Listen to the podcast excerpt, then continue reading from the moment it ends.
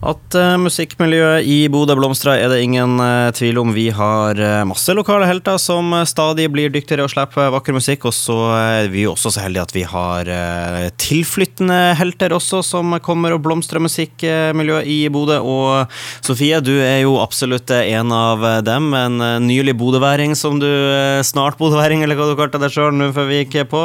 Først og fremst, velkommen til deg. Du eh, kan jo begynne med å nevne det. Du snakka jo om det fra før om eh, hva, hva, man skulle kalle deg, bodøværing eller eh, hva som helst, og, eh, og endte jo opp med at, eh, at at bodøværing var, var, noe du kunne kalle deg, deg sjøl? Ja, jeg tenker at jeg snart må begynne å kalle meg det. Altså, Jeg kommer egentlig fra Grimstad, men den dialekta, den er jo eh, Grimstad-dialekta, den er helt eh, fraværende, kan du si. Ja, det, jeg hørte du, du har den jo fortsatt liggende der hvis du den skulle sånn vurdere å, å, ta den inn igjen. Men, ja, hvis jeg eh, trenger den. Hvis du, hvis du trenger den, men, men nei du, som, du... Ja, det er sånn, sånn sørlendinger flest, da. Eller det er liksom et problem på Sørlandet at mange mister dialekta si, og der er jeg en av de. Ja, jeg hører det, fordi det var jo også noe jeg tenkte å, å, spørre deg om når vi kom inn her. For du har jo, du har jo flytta Bodø, men du kommer jo hit fra hele vide verden. Du kommer jo fra både øst og, og vest, og så til og med lang, langt sør, borti, borti, borti Amerikaen, som man ville kalt det i gamle dager. Så, så bare kan begynne med sånn kjapt. Uh, fortell fra, fra, det glade Sørland, hvordan endte du opp i Bodø? Det er et godt uh, spørsmål. uh, nei, det begynte med at jeg faktisk, som mange, reiste på folkehøyskole, og der ble jeg kjent med et rockeband. Så da fant jeg ut at jeg har lyst til å bli rockesanger. Ja, og, og der må, jeg må bare skyte litt inn der, fordi at uh, til de som hører på radio, ser det jo ikke nå. fordi at uh, de, de, ser jo ikke, de ser jo ikke ansiktet ditt, og det, og det, kan jeg jo bare skyte inn som en gang. Det er jo litt artig at du skulle bli rockemusiker, fordi at du ser jo ikke ut som en rockemusiker. Det kan vi jo være enige om. Nei, jeg sitter her med litt sånn myke farger og briller og litt sånn lyst, langt hår, ja. Uh, nei, men det, det, hadde jeg lyst til å bli, da, og blei med det her rockebandet til Trondheim, til studentbyen Trondheim. Og der slo vi liksom litt an. Jeg fikk en greie med å stå på rulleskøyter på scenen. Ja. Eh, fordi jeg hadde lyst til å liksom komme ut til publikum og liksom få dem med på konsert og greier. Og da eh, fant jeg ut at ok, eh, rockemusikk det er kjempeartig, men jeg har lyst til å reise lenger ut. Så jeg havna i, i Chile og bodde der et år. Og blei kjent med masse musikere der, både jazzmusikere og visesangere. da. Så da ble liksom visesangen en sånn øh, øh, ja, Da skjønte jeg at visesang kanskje egentlig var mer meg enn en, en eh, rocken. Ja. og så har jeg vært litt sånn att og frem, og endte opp uh, på uh, Jeg har tilbake, jeg har vært i Colombia en uh, liten tur.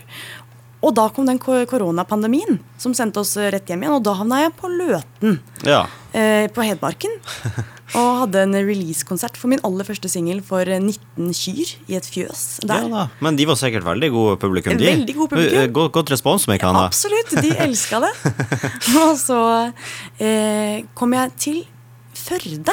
Ja. Og det var fordi på hele den reisen her så hadde jeg oppdaga med musikken og med ja, egentlig generelt at jeg syns det er så gøy å fortelle historier. Det er det jeg gjør ja. med visene mine.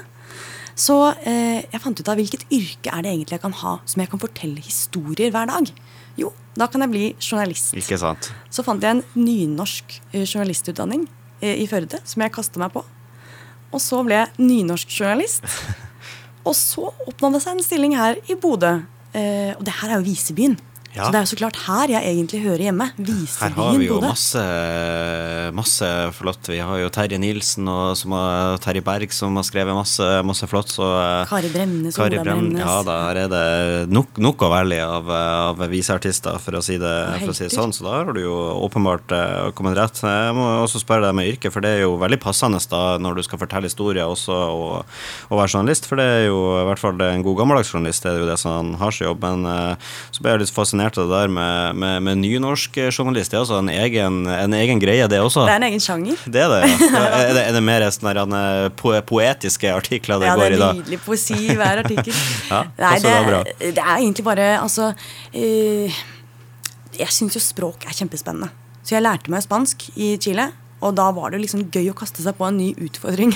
si gracias. si gracias her i, i, Norge. Så da tok jeg nynorsken og favna den om min Nei, tok den i min favn.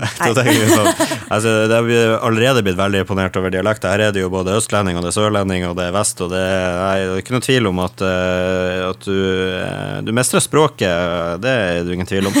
Eh, men vi skal, vi skal gå litt fra, da, fra journalistyrket ditt til grunnen til at du egentlig er her, som selvfølgelig er musikken. Og vi skal jo etter hvert se på både at du slipper ny låt eh, nå i, eh, i dag, og så eh, skal du også spille eh, torsdag kveld på, på dama di. Og, og først og fremst da musikken, hvor lenge du har drevet og jobba med den?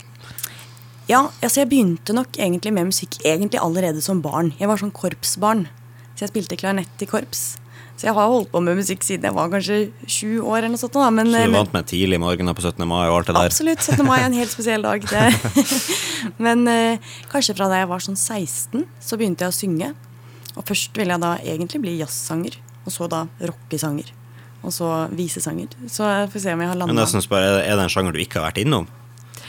Ja, Nei, det er egentlig ikke så Jeg har ikke vært så veldig sånn, sånn, eh, sånn ordentlig metal. Jeg kan ikke sånn growling og sånn. Det skulle jeg Nei. gjerne kunnet. Det hadde vært kult. Det, det blir liksom neste steg. da Når du, når du en dag får deg ferdig med visene, så, så, Så er det så, så er det det man går videre til. Det er jo, det er jo nydelig. Men eh, ja, som sagt, du har jobba da hadde eh, vært musikalsa siden liten barn, men når var det liksom du fant ut at her var noe, om ikke en karriere, du i hvert fall kunne begynne å gjøre på, på ordentlig basis, da, med både å spille konserter og slippe ut musikk og sånt? Jeg tenkte det nok eh, en del med dette her rockebandet i eh, Trondheim. Vi hadde litt lyst til å bli et sånn stort band. Jeg husker at Kaisers Kaizers Orkestra de slutta omtrent akkurat da vi liksom begynte. Og da var vi sånn Oi, nå er det en luke for oss, for norsk. For vi har også norskspråklig band. Så tenkte vi ja, nå er det vi som skal ta den plassen. Eh, men jeg tror ikke jeg har opplevd å liksom snakke så direkte til folk som jeg gjør med visesang. Så det er kanskje nå, i visesangdelen av min eh, musikkarriere, at jeg kjenner at eh, jeg virkelig liksom kommuniserer direkte med, med følelsene til folk. Det syns jeg er helt eh, fantastisk å ha funnet en sånn sjanger. Og folk lytter, altså. Han skulle tro at folk bare har lyst til å høre på liksom popmusikk som går og dunker og dunker og dunker, liksom. Og høre på eh, musikk på treningsstudio. Men, men folk har faktisk eh, tid og lyst til å lytte. Kanskje det er den store fordelen med denne sjangeren, da, til motsetning til sånn typisk festival hvor folk bare står og prater med hverandre, så det her er en, en eh, sang man blir litt mer verdsatt eh, som artist, eh, kan jo absolutt være. Du, du slipper ei ny låt uh, Slipper en ny låt nå, 'Natt i Santiago'. Jeg trenger vel ikke å være noe kjempegeografiekspert for å, eh, for å da tenke meg til at den er inspirert av tida di i Latin-Amerika, kanskje nærmere bestemt Chile.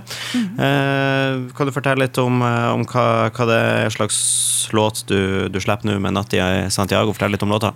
Natt i Santiago det er en eh, låt som jeg egentlig skrev som en bursdagsgave til en uh, chilener som jeg var blitt kjempeforelska i.